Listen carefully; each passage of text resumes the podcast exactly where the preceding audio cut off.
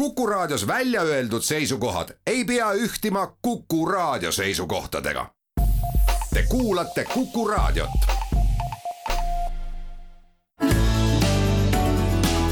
keskpäevatund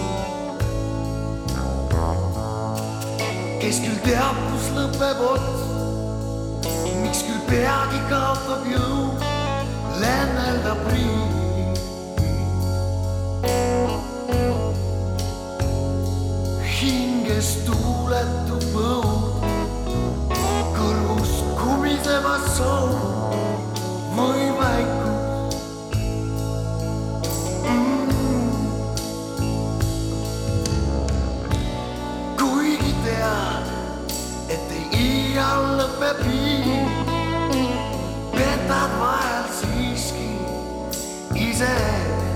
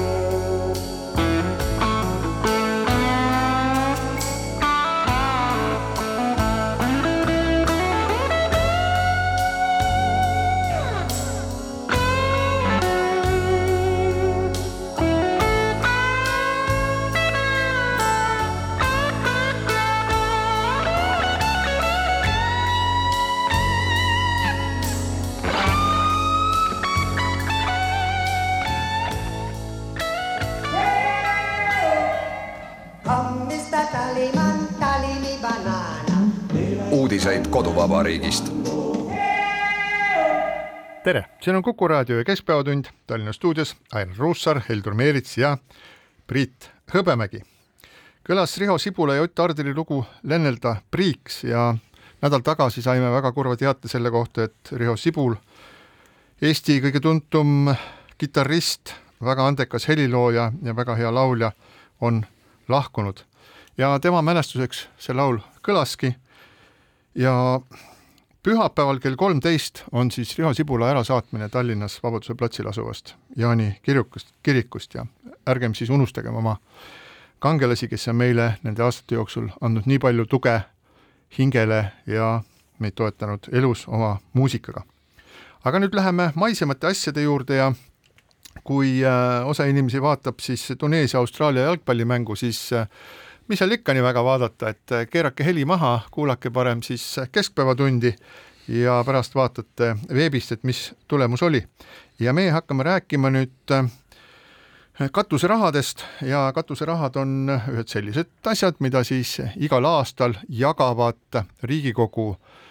eh, fraktsioonid või erinevad erakonnad ja erinevatel aastatel on see tekitanud eh, noh, erinevalt erineval kombel paksu verd, et möödunud aastal koguni Reformierakond keeldus osalemast nende niinimetatud katuserahade jagamisel, aga nüüd nad siis jälle osalised ja seekordsel katuserahade jagamisel seda raha oligi nagu rohkem, reeglid olid muutunud, et kokku oli siis neli miljonit, neli miljonit eurot, mis selle peale siis kulutati mis siis eelarvesse läheb ja igal saadikul oli siis seekord võimalus kulutada viis tuhat eurot, siin saata see raha sinna, kuhu tema meelest viiskümmend tuhat. Äh, kolmkümmend üheksa tuhat kuussada saadiku kohta. jaa ja nii kui andmed täp-, täpsu-, nii kui andmed muutuvad täpsemaks, nii kohe annan teada. igal juhul äh, siis äh, erinevad erakonnad ka klappisid siis niimoodi raha kokku, et kuhugi läks suurem osa, kuhugi läks väiksem osa mõnel erakonnal oli raha vähem, mõnel rohkem, eks see sõltub ka sellest, kui palju nad äh, riigieelarvest raha on saanud ja kui palju nad siis peavad vajalikuks kellelegi teisele suunata. ja mm, kohe me räägime selle süsteemi olemusest, aga tegelikult äh, minu jaoks on siin üks väga naljakas filoloogiline aspekt, et kui see katuserahasüsteem tekkis ja siiamaani on tegelikult selle ametlik nimetus riigi all riigieelarve viimase lugemise eel saadikutele määratud regionaalsete investeeringute toetamise võimalus. aga kui ajakirjanik ristis selle katuserahaks, siis kõik tegelikult Riigikogu liikmed võtsid, võtsid selle katuseraha kohe omaks, mis on iseenesest väga armas, eestikeelne ja arusaadav väljend jah, kuigi et, et see tekitab mingeid teist sorti assotsiatsioone no, ka. jah, katuse et, pakkumisega. just, just, just. et noh, suures plaanis noh, tundub see, et, et on nagu üsna, üsnagi selline veider ja kummaline raha jagamise skeem, sest noh, et idee järgi oleks ju nagu mõistlik, et, et kui nüüd noh, ministeeriumide kaupa määratakse, et, et millised on need vajalikud investeeringud. Ja et see on nüüd äh, sellest nii-öelda sellest põhiskeemist kõrvale kalduv asi, aga jah, et, et noh, ma, ma olen nagu üldiselt olnud kriitiline, olen ennegi kriitiline, kuid noh, nüüd noh, mingisugused väiksemad sellised leevendavad vaated on mul siia ka kõrvale tekkinud, noh nimelt, et, et et väikeses riigis ja et, et kui meil on nüüd selle raha jagamiseks ainult üks kanal, et, et siis kui seal nüüd peaks nagu mingit sorti vigu või või häireid tekkima ja et, et siis selle korrigeerimiseks ei olegi nagu just nagu ühtegi muud moodust. Ja ja et sinna kõrvale me veel peaks nagu mõtlema ka sellele, et, et, et need kohalikud väikesed ajalehed et mis siis äh, kajastavad nende kohalike inimeste arvamusi. Need esi-, esitavad neid äh, rahvasaadikuid seal nagu kangelastena, et, et kes just nagu Joosep Toots tõi, tõid oma selle latipatsi sealt äh, ülemiselt riiulilt ära. nii et, et noh, mingit sorti loogika selles küll on, kuigi jah, need tõsi ta on see, see, et, et saadikud vaatavad ka nagu väga palju selle juures ja et, et kuidas see nende häältesaaki ja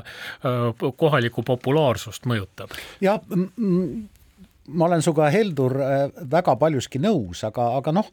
võib ju öelda ka niimoodi lapselikult, et las olla veidi jõuluaega ka neil, kes määravad meie elu ja ja üldiselt said ju toetust tõesti need, kellele see ka toeks on. minu jaoks on igivana küsimus ikkagi see, ja lahendamata küsimus. Äh, kuidas tõlgendada Riigikogu liikme jagatavat toetust tema isiklike huvidega, ma vaatasin, mitmed Riigikogu liikmed on, kes kandideerivad äh, kusagil piirkonnas, on just nimelt oma katuseraha suunanud selle piirkonna mingisugustele ettevõtetele, ma, ma ei, ma ei taha üldse öelda, et, et need äh, MTÜ-d või spordiklubid ei vaja raha, muidugi kõik vajavad raha, kõigil on vaja, vaja ja, ja teine on see, et Eesti on ikkagi nii väike riik, et kuidas see isiklike huvide ähm, ähm, arusaam nagu tekib või kust läheb isiklike huvide piir? ma võin su küsimustele kohe siin vastata. olgu see tänavavalgustus, olgu see kool. vastan, vastan kohe. esiteks äh, küsimus number kaks, et kuidas siis ikkagi need äh, isiklikud huvid lähevad nagu või lähevad või ei lähe risti, aga me mäletame seda, et meil on olnud hästi palju nagu arutelu Eestis selle üle, et kas saadik võib istuda korraga kahe tooli peal või tohib istuda ainult ühe tooli peal. Ja teatavasti lõpuks jõuti arvamusele, et siiski tohib istuda kahe tooli peal. Ja selle kahe tooli peal istumise ehk siis nii kohalikus omavalitsuses kui Riigikogus olemise kõige, kõige olulisemaks argu-, argumendiks muut-, muut-, muutus see, et kes siis veel, kui mitte kohalikust äh, piirkonnast pärit inimene või inimene, kellel on seal juured või suvila või puurkaev, mis iganes, eks ole, või paadisild, mõistab paremini nende inimeste huvisid. Priit, äh, kui mu, äh, kui mu kolmanda klassi pinginaabril, kes ei ela Tallinnas, aga elab kusagil mujal, on MTÜ Karvane koer ja mina oleks Riigikogu liige, kas ma võiksin talle toetust jagada? selleks tuleb vaadata teist aastat kehtiva katuserahasüsteem, katuserahasüsteemi punkte, mis ütlevad siis niimoodi, kõigepealt ma parandan oma vea, et tõepoolest, et ähm, sada üks Riigikogu liiget said jagamiseks neli miljonit eurot kokku ehk kolmkümmend üheksa tuhat kuussada eurot saadiku kohta ja viis tuhat oli siis nii-öelda minimaalne piir, et sellest vähem ei tohtinud anda, kuigi mõni ikka andas, andis. niisiis on nüüd asi niimoodi, et ettepaneku tegemiseks peab Riigikogu liige vältima huvide konflikti, raha saab eraldada kohalikele omavalitsustele, mittetulundusühingutele ja sihtasutustele, kes peavad olema esitanud eelmises majandusaasta aruande. Ja regionaalne investeering peab olema konkreetse objekti ehitamiseks, renoveerimiseks, vara soetamiseks või organisatsiooni tegevuste toetamiseks. Ja, ja kujutad ette, et see selline, see süsteem nüüd sisuliselt nagu annulleerib kõik need sinu kavalad küsimused, sellele jah, võib küll, aga tuleb midagi toetada ja majandusaasta aruanne peab olema esitatud. mu küsimused ei olnud üldse kavalad, olema... need olid no, täiesti inimlikud küsimused. jah, niisugused lihtsad inimlikud küsimused mingid, mingid ootamatuid plusse on veel sel katuserahade süsteemil ka, et et nimelt me saime teada, et, et Riigikogus on selline Reformierakonna saadik nagu Sulev Kannimäe, kellest ei olnud enne öö, mitte midagi keegi just kuulnud, jah, aga kuna tema suutis oma toetused esimese esimese hooga eh, suunata just nendesse kohtadesse, mis olid temaga üsna konkreetselt seotud, et, et siis see tõmbas loomulikult tähelepanu. Kodanik Annimäe sai jah hakkama sellise nagu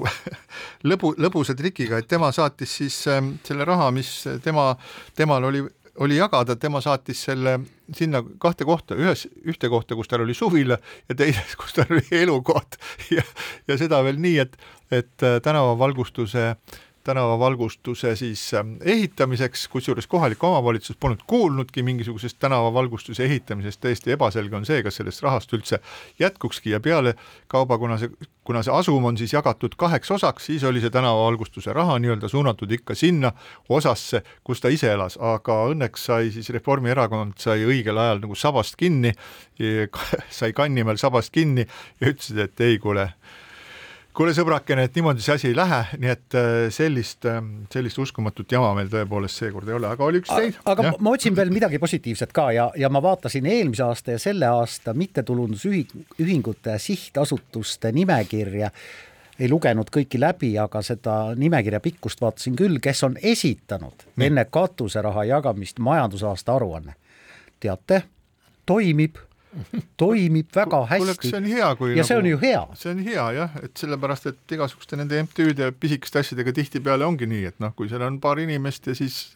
ei ole raha raamatupidaja jaoks või lihtsalt arvatakse, et pole vaja. tähendab tegelikult..., kordame üle, et MTÜ, kes ei ole esitanud majandusaasta aruannet, ei saa seda katuseraha eh,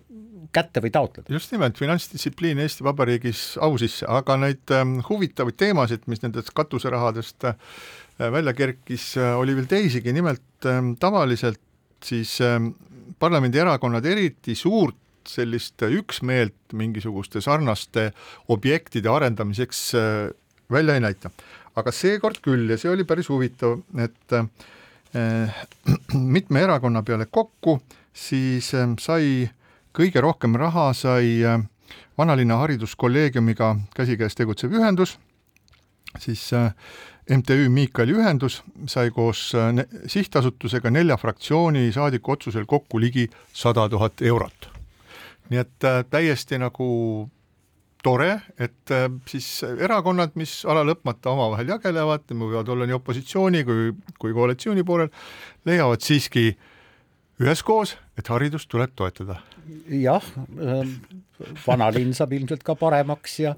ja noh, kindlasti on ka väga palju teisi koole, kes vajavad toetust ja full disclosure, üks minu lapsi õpib selles koolis, nii et no nüüd tunnistame kohe üles, et, et kaks minu last õpivad selles koolis peale kava veel. Ja siis, ja siis lõppkokkuvõttes see, seesama, see, see niinimetatud okasruusikas loss, mille, mille siis kõpitsemiseks see raha on suunatud, see asub ju teisel pool teed sinu, sinu kodust, eks ole, ja ja minu lapsed käivad seal muusikat õppimas, et, et sellel on, seda kindlasti tuleks ka nagu natukene valgustada, et kuidas siis nagu sada tuhat eurot on ikka suur, üsna suur raha. et, et äh, nüüd on muidugi see huvitav küsimus, et et kas see vanalinna hariduskolleegiumile või Püha Miikaeli ühendusele läinud raha, kas see tuleks kvalifitseerida nüüd haridusele antavaks rahaks või usuorganisatsioonile antavaks äh, rahaks? või koolikeskkonna parandamiseks. ise sa oled usuorganisatsioon, mis no, usuorganisatsioon? ma tahan nagu sinnamaale jõuda, eks, et, et Päevaleht pani, pani omale pea, ühe, ühe loo pealkirjaks, et, et usuorganisatsioonid said kõige rohkem raha, eks. aga selle juures unustas Päevaleht kõrvale tuua, et, et kui, kui vähe siis nagu teised saaksid, said. ja siin, kui Postimees jälle kokku liitis, liitis neid äh, rahasid, siis tema, tema sai hoopis teistsuguse äh, tulemuse, et, et Postimehe meelest Äh, sai, sai hoopis spordivaldkond kõige rohkem raha, et ja noh, ma arvan, eks, et, et siin Päevaleht küll nagu äpardus oma looga üsna kapitaalselt, sest nemad ei vaevunud näitama, et, et mis siis nagu teisel ja kolmandal kohal oli. eks kindlasti on erinevaid asju, et äsja ilmus ka Päevalehe mõjukate nimekiri ja sealt me leiame Arvo Pärdi sajandalt kohaselt, sajandalt koha, kohalt, aga Andrei Sivakini leiame kolmekümnenda koha pealt ja mina ütleksin selle peale, et ootame nüüd veel sada aastat ja vaatame, milline tuleb siis see mõjukate inimeste nimekiri ja kes nendest on sinna järgi jäänud, aga sellest, ma tahtsin sellest tegelikult rääkida natuke sellest sellest okasroosikese majast, kuhu see raha peab minema, et tegelikult jääb, võib jääda kergesti mulje, et see on mingi MTÜ sai raha endale ja siis hakkab äh, midagi seal kõpitsema, aga see, mida tegelikult seal ähm, tehakse, terve see Miikali ühendus, seal on suhteliselt palju, on siis äh, need vanemad äh, oma rahaga tõepoolest aitavad siis seda koolikeskkonda seal ähm, noh, parandada ja see Okasrootsikese loss, loss, mis kaks tuhat üheksateist oli veel linna käes ja linn andis selle siis vanalinna hariduskolleegiumile, mis on munitsipaalkool, mis ei ole erakool ega, ega midagi muud, mis on munitsipaalkool ja selle juures on siis see nii-öelda see MTÜ Miikaeli ühendus, siis äh, see on selline kummaline kummaline historistlikus stiilis äh, ehitis keset äh, vanalinna. tellisehitis. jah, tellisehitis, väga huvitav, mis oli täis mitmesuguseid kummalisi arusaamatu otstarbega selliseid nagu venekeelseid firmasid ja see on üks selline jäänuk nendest aegadest, kui siis veel seda vanalinna kinnisvara nagu naljakalt kuidagi Nõukogude ajast kanditi üle siis Eesti aega ja sinna neid firmasid oli palju jäänud ja nüüd lõpuks siis äh, sai niimoodi, et kool sai selle endale ja sisuliselt ehitatakse sinna kolme kooli, vanalinna hariduskolleegiumi, siis Püha Miikaeli kooli ja äh, veel ühe, mm, veel ühe kooli äh, muusikamaja kus on siis äh, muusikaklassid, kus on klaverid, kus on kunst, kus on tantsuõpe ja kõik, et see tuleb tegelikult, tuleb sellest väga hea kultuurikeskus äh, püha, ja, ja kolmas kool oli siis Püha Johannese kool, nii et tegelikult see on, minu meelest on see täitsa okei okay,, et see jutt, et tehakse seal mingit nipet-näpet, äh, see ei ole nagu õige, aga see tõesti vajab kõvasti raha teha. nojah, aga sellest katuseraha jagamisest on veel selliseid silmapaistvaid tegelasi noh, võtame Mihhail Stalnuhhini, ühe minu äh, jutumärkides lemmikpoliitiku, kes on küll Keskerakonnast hiljuti välja visatud ja lubanud üldse poliitikast äh, lahkuda pärast märtsivalimisi. tema andis viis tuhat eurot Narva mittetulundusühikule Paamiat. Paamiat tegeleb siis sellega, millega praegu tegeleb suur osa Eesti ühiskonnast, kas poolt, vastu või neutraalselt. Ehm, paljuski siis nii-öelda nende sümbolite või sümbolite minema viimisega, Paamiat on see, kes tahab mäletada.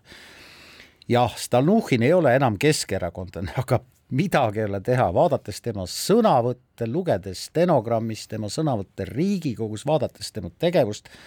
on ta tüüpiline vene hääli püüdev keskerakondlane ajast, mil Keskerakonda juhtis Edgar Savisaar, see on minu isiklik arvamus, palun mitte inkrimineerida seda Kuku raadio arvamusena. No aga kui seal oligi ainult kaks sellist mädaõuna oli selles suures korvis, et üks, no oli üks oli Kannimäe ja te, teine oli siis see, et et noh, siis, siis on ju päris hea, mulle tegelikult meeldib väga see, et äh, et see pidev kriitika, mis nende katuserahade kohta siis äh, käis, on tegelikult suutnud siis, see surve on suutnud tekitada täiesti minu meelest täitsa mõistuspärase sellise raha jagamise süsteemi, sellise struktuuri, mis on nagu selgelt üles ehitatud ja nüüd ähm, Eestis tihtipeale mõeldakse, et kui kuskil kirjutatakse regionaalne, eks ole, või või kohalik omavalitsus, et see peab tingimata asuma kuskil seal Võru kubi all. aga Tallinna linnavalitsus on samasugune koha, kohalik omavalitsus ja sellele saab ka või selle all, all äh, või selle lähedal tegutsevatele siis MTÜ-dele saab raha no jagada. nendest saab... mädadest õuntest, et seal oli veel ka üks, üks plaan anda raha Moskva õigeusu või Moskva patriarhaadi õigeusu kogudusele ja, ja aga noh, ma usun või, või tähendab, mitte ei usu, vaid ma loodan, et koalitsioonil on nagu nii palju neid mune, et, et nad nagu tõmbavad selle Paamjati ja, ja Moskva patriarhaadi koguduse ikkagi sellest raha eraldi usaldusest lõpuks maha. saab siis näha, kas äh, uus parlament äh, algatab seaduseelnõu, et see katuserahade jagamise süsteem ümber muuta, see summa on igal aastal olnud erinev. nüüd oli suurem vist kui eelmine aasta? eelmisel aastal oli vist äh, rohkem isegi raha kui sellel aastal. aga saab näha ja, ja vaatame, on erakondi, kes on öelnud, et kui nad parlamenti pääsevad, siis nad te, algatavad eelnõu, et see asi ära lõpetada, aga noh, et raha, rahalises mõttes muidugi neli milja, neli miljonit äh, kuueteist miljardi kõrval nüüd väga palju ei ole, aga noh,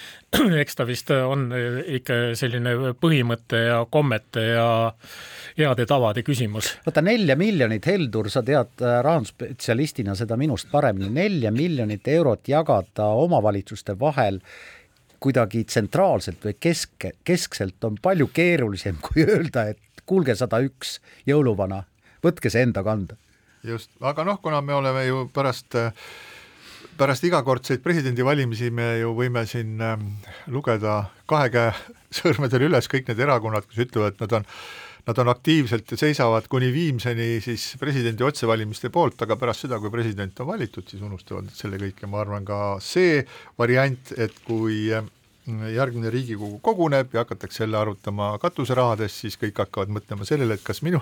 minu lemmik MTÜ või kas minu kodukoha MTÜ ikka on esitanud majandusaasta aruande, et me saaksime temaga asju ajada. ja kas minu suvila tänaval põlevad valgustid jah, just. ja siinkohal väike paus. keskpäevatund keskpäevatund jätkab, Ainar Ruussaar, Heldur Meerits ja Priit Hõbemägi. üks anonüümne kuulaja täpsustab ja andmed ütleb, et eelmisel aastal oli vähem, siis äh, katuseraha oli kolm miljonit eurot ja kahe tuhande üheksateist, üheksateistkümnenda aasta valimiste eel jagasid kesksotsid IRL kolmkümmend miljonit ära, kusjuures opositsioonile raha tookord ei antud ja siis reform loobus, aga nüüd, nagu ma aru saan, et kui nad on uuesti võimu juures, siis läksid kaasa selle asjaga ja, ja läheme nüüd järgmise teema juurde, see on siis Nursipalu laskeala laiendamine, et ma vaatasin siin möödunud nädalal, vaatasin palju tähelepanu saanud filmi eh, Erich-Maria Remarque'i raamatu Läänerindel muutuseta põhjal tehtud uus versioon. Ja ma pean ütlema, et kaks päeva pärast seda oli mu tuju tuju täitsa ära, et äh, näidati siis äh, Prantsusmaa territooriumil toimuvat sellist äh, suurtükiduelli ja pidevaid Esimese maailmasõja aegset sõda, kus ähm, inimesed lihtsalt said kaevikutes surma ja kogu, kogu sõja jooksul siis vallutati, läks käest kätte paarisaja meetri laiune ala ja mingisugust tulku seal ei olnud ja kümned miljonid said seal, seal surma. mõtlesin väga palju, mõtlesin äh, seda filmi vaadates väga palju Ukrainale, et tegelikult kui me siin raadios räägime, et siis ühed mehed on kogu aeg kuskil kaevikutes mürsud lõhkevad, äh, inimesed surevad ja kuskil meie vabaduse eest, meie vabaduse eest peab keegi kuskil surema praegusel ajal. Ja Eestis on kaks sellist äh, harjutusvälja, üks on siis Tapa aegviidu ja teine suur Nursipalu. Ja Nursipalu soovitakse laiendada ja meie praeguses julgeoleku kontekstis ja maailma olukorras on tõesti arusaadav, et seda on vaja teha, aga nüüd selle harjutusvälja laiendamine siis saadab kakskümmend üks peret, kes seal elavad, oma taludes asju pakkima, mis tähendab seda, et äh, tõenäoliselt äh, nad kas jäävad mingisuguste laskealade või harjutusalade piirkonda, et seal oleks lihtsalt äh, eluohtlik edasi elada, aga kui inimestel on seal saja viiekümne aastane saja viiekümne aastane perekonnatalu, kus on nende juured, kus kõik meenutab vanemaid, vanavanemaid ja vanavanavanemaid, siis sellisest kohast lahkuda on ikka erakordselt keeruline nojah, selles mõttes on küüniline Kaitseväe väide, et noh, me maksame selle kinni vastavalt turuhinnale, esiteks ei haaku turuhind sinu poolt mainitud tõepoolest mitme põlvkonna käes olnud noh, talumajaga, et, et kõike ei saa mõõta, mõõta rahaga, noh, võib proovida mõõta, aga kõike ei saa mõõta rahaga. Teiselt poolt noh, tõepoolest Eesti Kaitseväel on vaja harjutusalasid, Eesti Kaitsevägi äh, saab äh, järgnevatel aastatel raha juurde selleks, et soetada uus, uut relvastust ja ja kui nendest relvadest ei õpita pauku tegema või kui e,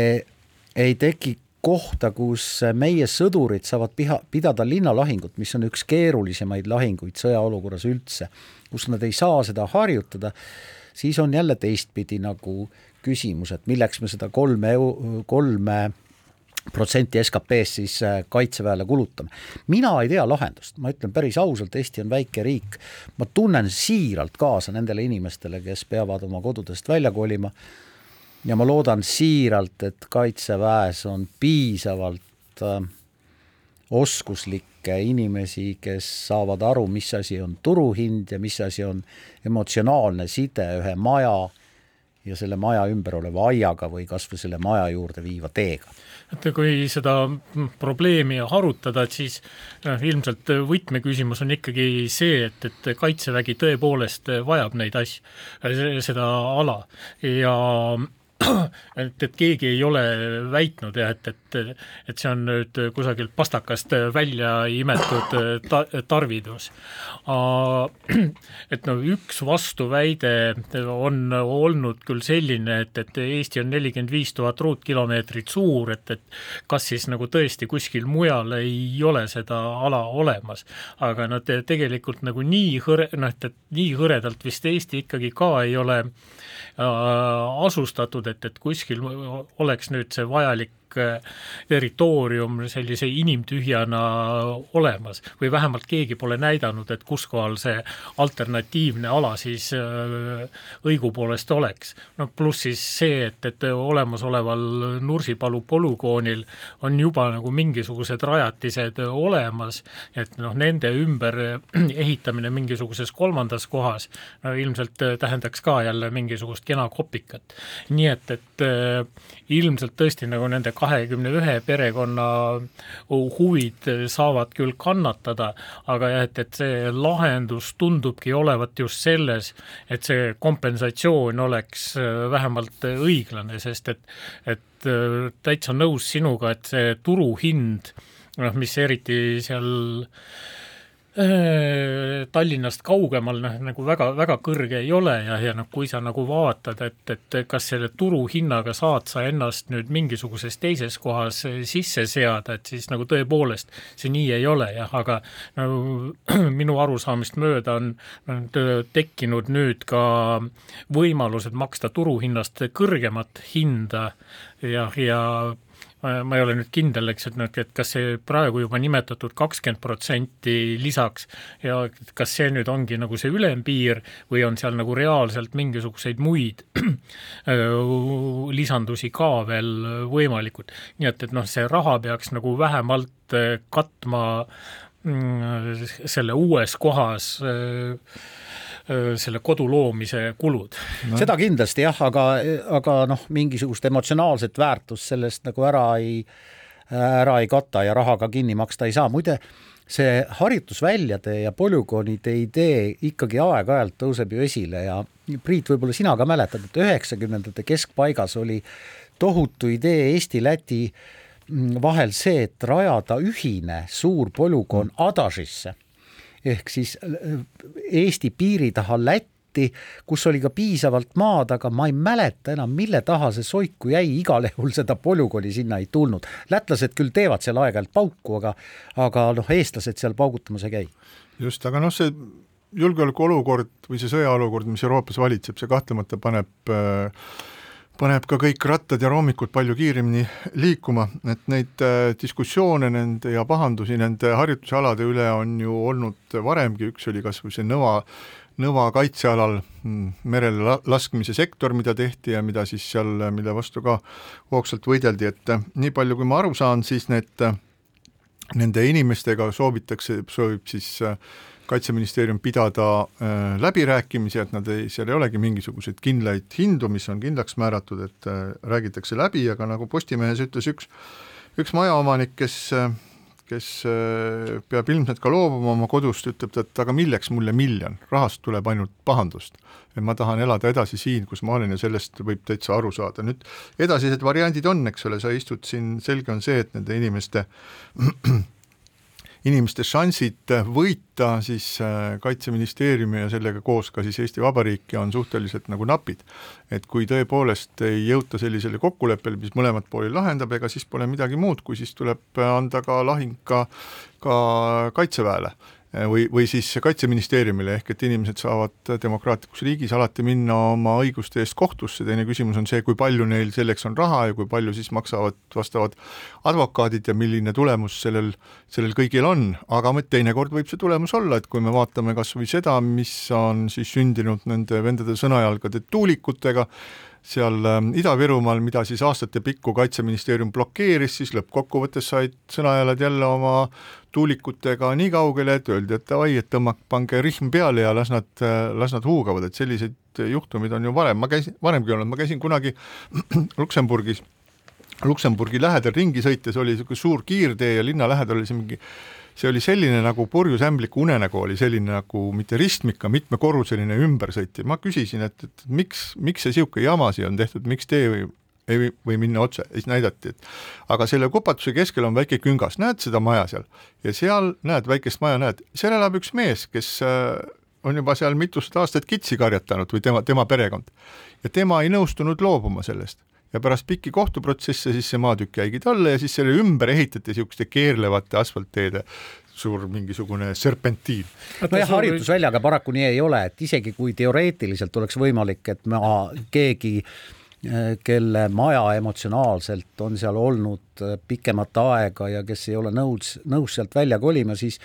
noh, mm, küll need paugutamised ja, ja sõdurite üle põllu jooksmised ilmselt äh, hakkavad mingil hetkel ikkagi ka oma tööd tegema, et et aga Priit, et seda sinu juttu võib mõni kuulaja nüüd tõlgendada kui julgustust äh, kohtusse äh, minna. Eesti Kaitseväele mitte alla anda. jaa, aga et, et ma arvan, et, et see seaduste üldine loogika ikkagi seda, sedasorti kohtus käimist ei soosi, sest et, et see üldine põhimõte on seal, et, et et, et kui et nüüd üldistes huvides, mida, mida see ka, ka polügoon on, et, et midagi tahetakse, midagi tahab riik ära osta, et, et, et siis riigil põhimõtteliselt on selleks õiguseks, et need kohtu, kohtus käimised võivad ehk võib-olla mingisuguste vormivigade eh, tõttu edukaks osutuda või, või no mingite selliste muude detailide tõttu, aga nagu see üldiselt ma usun jah, et, et sellised kohtus käimised väga perspektiivikad siiski ei ole. mina arvan küll, et see, et see kohtus käimine on pigem perspektiivikas, sellepärast et esiteks see kindlasti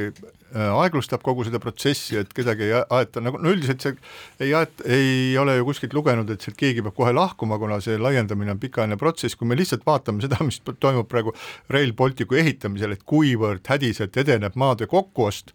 kus, mille siis tagumises otsas terendab ka see, et riik võib lihtsalt selle maa sundvõõrandada, eks ole, ja anda mingisuguse raha eest. aga see mitte kuidagi ei lähe ja kui me kujutame ette, et mõni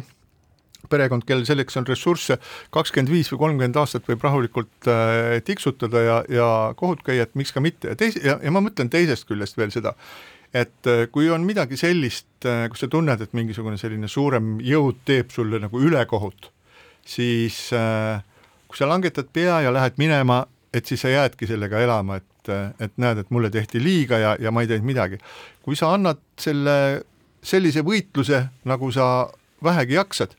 ja siis jääd ikkagi kaotajaks, siis sa võid öelda, et aga ma tegin kõik, ma tegin absoluutselt kõik ja rohkem polnud lihtsalt inimesel võimalik teha. Ja see annab sulle mingis mõttes ka hingerahu. aga see nüüd läheb üsna, üsna selgesse vastuollu see, selle jutuga, mida sa rääkisid seda teemat algatades, eks, et kuskil käib sõda ja, ja noh, ka meie oleme siin ohutsoonis, et meie Kaitsevägi peaks nagu saama kõik need tingimused, et, et ta saaks oma noh, ütleme siis tööd äh, võimalikult hästi teha, ja, ja ma nagu selles valguses ei oskaks küll heaks kiita selliseid samme, mis nagu venitavad äh, selle äh, harjutusala kasutusele võtmist. jah, küünikuna võin ma öelda, et kõige parem harjutusala ja kõige tõhusam harjutusala on osalemine mõnel sõjalisel missioonil, aga paraku äh, paraku tõepoolest ei saa sõjalisel missioonil väljaspool Eestit välja õpetada Eesti mm, kaitseväelasi, vaid need on ikkagi kõik elukutselised sõjaväelased. see oli nüüd natuke küüniliselt öeldud, ehkki kõik äh, Eesti elukutselised sõjaväelased, kes on teeninud Afganistanis või Malis, on öelnud, et see kogemus on palju suurem kui Nursipalu laskeharjutusväljalt saadud. no kuigi nad sinna enne, enne Afganistani minekut võiks nad siin kodusel kamaral nendel harjutusaladel ka kätt proovida, et, et sealt äh, tuleks vähem kirste tagasi. jah, seal on juba, sealt kohast ongi umbes seitsekümmend kilomeetrit siis sellesse riiki, kus kohast võiksid hakata raketid ja, ja mürsud tulema, aga ma mõtlesin lihtsalt seda, et äh, selles olukorras on väga raske leida nagu häid lahendusi, et see, see on, see ongi tohutult keeruline olukord ja keeruline olukord mõlemale poolele, et riigil on harjutusala tõenäoliselt väga vaja ja inimesed ei taha lahkuda oma kodudest ja see kompensatsioon ei äh, ei anna neile piisavalt rahuldust, aga teisest küljest ma mõtlen, et meil on demokraatlik riik, iga, meil on kohtusüsteem, ega siis, kui Kaitseministeerium midagi tahab või kaitse, et siis ei pea nagu püssi põõsasse viskama, et, et ma jälle viitan sedasama nende vendade sõnajalgade võitlusele Kaitseministeeriumiga või Kaitseväega või kellega nad iganes seal võitlesid, et äh, nad muidugi nad tegid ka seal sikku, sikku omajagu, aga nad olid siiski nagu andsid sellise jalahingu ja lõpuks jäid võitjaks. Ja teiseks ma arvan seda, et et kui juba üks riik ütleme, selline bürokraatlik nagu organisatsioon, nagu see riik on, midagi tahtma hakkab, siis ta tahab tõenäoliselt ikka igaks juhuks rohkem kui see, mida tal vaja on ja kui ma vaatan seda Nursipalu, siis ma arvan, et sinna on sisse arvestatud ka mingisugune kakskümmend, kakskümmend protsenti midagi sellist, et hea küll, me seda kätte ei saa, aga noh, me kõigepealt tegime selle alguses selle kaardi, et vaatame, äkki õnnestub kogu pott saada. aga siinkohal väike paus. keskpäevatund keskpäevatund ikka jätkab, Ainar Ruussaar, Heldur Meerits ja Priit Hõbemägi. räägime nüüd siis ka punamonumentidest, et äh, sel nädalal saime kõva, kõva infoannuse jälle selle kohta, et äh, punamonumentide ehk siis nõukogude ajast jäänud ja nõukogude aega glorifitseerivate ja ülistavate mälestusmärkide, hauatähiste, ausammaste mm, uurimiseks moodustatud salajane komisjon, eks ole, naljakas demokraatlikus riigis rääkida mingitest salajastest komisjonidest, aga igal juhul salajane komisjon on siis oma töö lõpetanud ja teinud siis, tõmmanud joone alla ja otsustanud, et kui palju nendest umbes ligi kolmsada pluss nendest ähm, hauatähisest monumendist, punamonumendist, nagu neid üldistatult nimetatakse, tuleks siis ähm, ära viia, osade puhul tuleb siis ähm, sooritada veel ümbermatmine ja osade puhul rääkida veel muinsuskaitse äh, tegelastega läbi. Ja see, mis puudutab kõige suuremat sellist ala, mis on äh, Maarjamäe ala Tallinnas, et selles osas siis mingisugust otsust vastu ei võetud, kuna seal on väga hoopis keerulisemad olud, esiteks äh, see on äh, riigimaa, asub Tallinna linnas ja kolmandaks on äh, sõlmitud äh, Saksamaaga kokkulepe, kuna massiivselt asuvad seal siis äh, Saksa sõjahauad, kogu see nõukogulik kompleks on ehitatud, nõukogude ajal ehitatud kompleks on Saksa sõjahaudade peal, nii et ilma Saksamaaga läbi rääkimata ja kokkuleppele jõudmata ei saagi seal midagi teha, nii et mingit buldooserit ei hakka Maarjamäele sõitma, see protsess, mis seal toimub, see on pikaajaline ja keeruline, rääkimata juba maastiku planeerimisest ja nii edasi. jah, mm, minu jaoks on tänases Eestis igasugune salastamine äh, sageli väga küsimärgi all äh,. muidugi on asju, mida tuleb salajas hoida aga me oleme ka siin saates korduvalt rääkinud sellest, kui kergekäeliselt aeg-ajalt lüüakse täiesti tavalisele ja täiesti mitte midagi, midagi ütlevale kohaliku omavalitsuse dokumendile peale tempel ametkondlikuks kasutamiseks, ilma et sellel oleks mingit põhjendust, et mina ei saa aru, miks peab olema selline komisjon salastatud. üks, üks selle komisjoniga lähedalt seotud inimene ütles mulle, et sellepärast, et muidu hakatakse komisjoni liikmeid ähvardama ja juba on ähvardatud. vot siit on minu küsimus, et kuidas on juba ähvardatud, kui komisjoni liikmed on salajased, miks me siis üldse salastame, pagan võtaks? Ja vähemalt üks komisjoni liige, Meelis Maripuu nagu leidis, et et tema, tema küll ei taha olla salastatud ja rääkis täitsa oma nime all. eks ja, ja noh, ma arvan, et see jutt sellest ähvardamisest on noh, vähemalt nagu suur liialdus. et noh, kui, kui ma nüüd mõtlen, et, et mis, mis rolle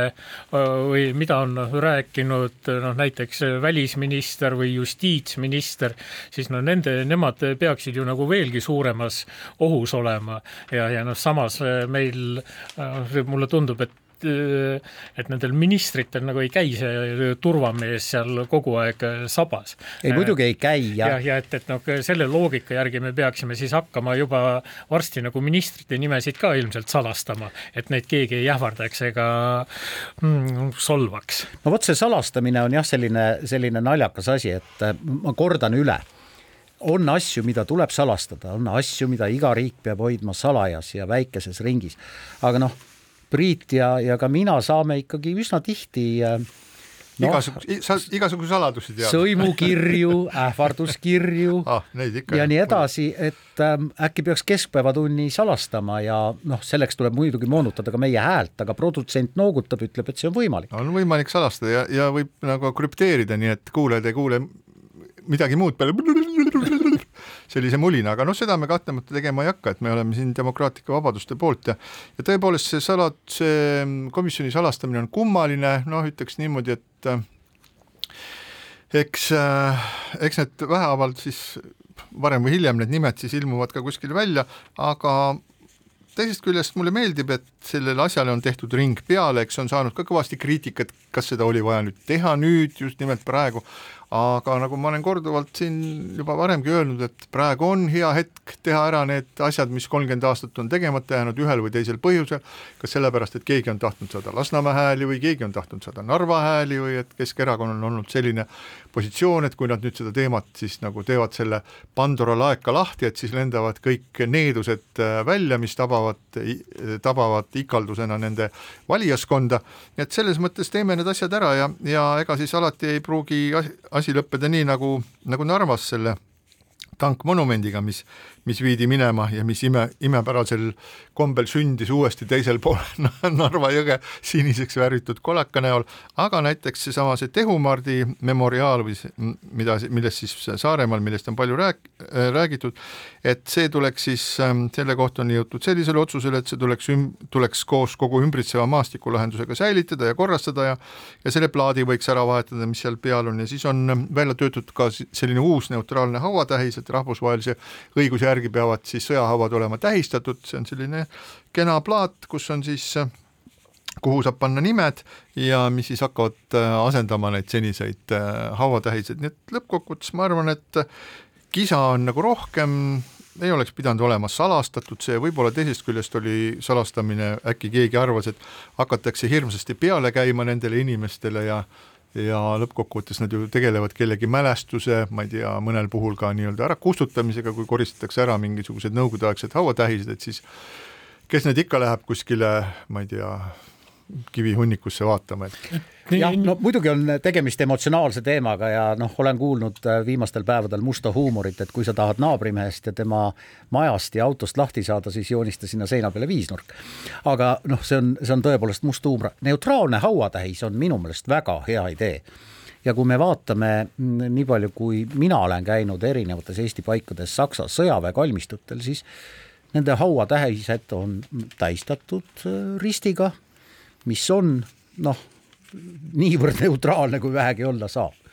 Tean, et nii palju võiks tõesti kiita selle komisjoni tööd, et, et nüüd nagu hakkab noh, mingisugune struktuur või kord või, või loogika eh, tekkima eh, nende Vene, veneaegsete mälestusmärkide puhul ja, ja kui ühel hetkel siin vahepeal tekkis kahtlus ja et, et sellise revolutsioonilise entusiasmiga lammutatakse kõik maha, siis, siis nagu tundub ja et, et, et suudetakse tõepoolest ka niisuguse kunstiväärtuslikel asjadel äh, äh, mingit mõistuslikku lähenemist äh, hoida ja et, et igale poole ei tormata kohe kuvaldaga kallale. ja ei, ei pea olema ainult kunstiväärtuslik asi. Ähm, kui ta on õiges kohas, siis äh, omab ta tänasele noorele põlvkonnale ja tulevastele noortele ka mingisugust ajaloolist tähendust.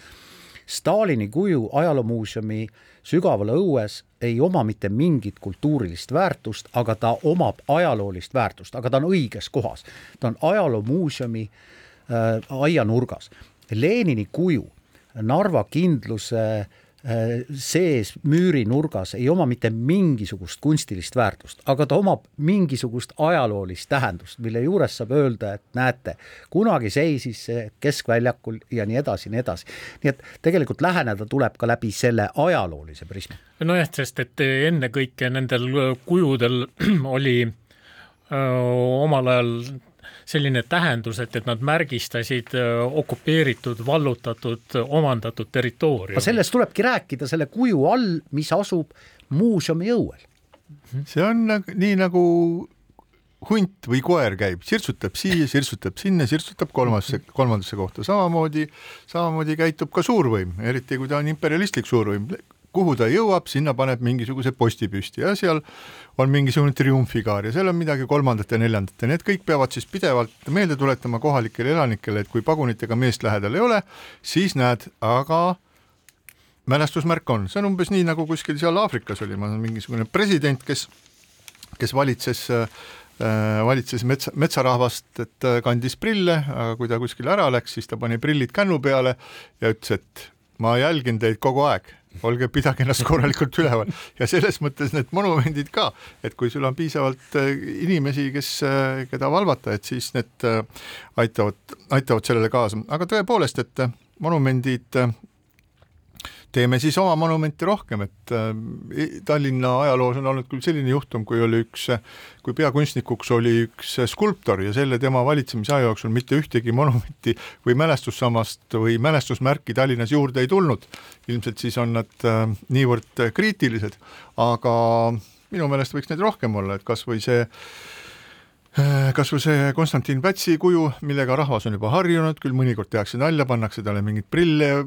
ette või kotti pähe või midagi taolist, aga nüüd ootame siis, järgmine asi peaks olema siis, kui on Päts, siis võib, peaks olema kuskil ka Jaan Tõnisson ja ja teisi iseseisvuse isasid meil ikka siin jätkub, nii et eh, nende jaoks on ka vaja oma mälestusmärke. nojah, et siin nüüd äh, ei ole kindel, kas see problemaatika nüüd selle komisjoni tööga ikka veel on lõppenud, et et võib-olla, et, et tasuks nagu jätkuvalt veel äh, diskuteerida ka selle üle, et, et kas selle Aleksander Nevski katedraal Toompeal, et kas see nüüd on nagu õige asi õige, õige koha peal, sest õigupoolest oli selle, sellegi äh, otstarve ju de demonstreerida seda Vene, Vene tsaaririiki ja Vene impeeriumi ja, ja et, et võib-olla see teema ei ole veel päris lõpuni läbi räägitud. ei saanud sellega hakkama Eesti parlament kahekümnendatel, ei saa ka nüüd. no, no vaata, eks, et no nende samade väikeste ja väiksemate hauatähistega noh, võttis ka nagu kolmkümmend aastat äh, hoo võtmist ja et, et et ma nagu veel päris joont äh, lõpuni alla ei tõmbaks sellele. kui arvestada seda, et me oleme siin olnud mingi viis tuhat aastat ja vähemasti viis tuhat plaanime veel olla, siis me saame selle Aleksander Nevski katedraaliga ka ühel päeval ühele poole. ja siinkohal täname teid kõiki kuulamast, kohtume taas nädala pärast. keskpäevatund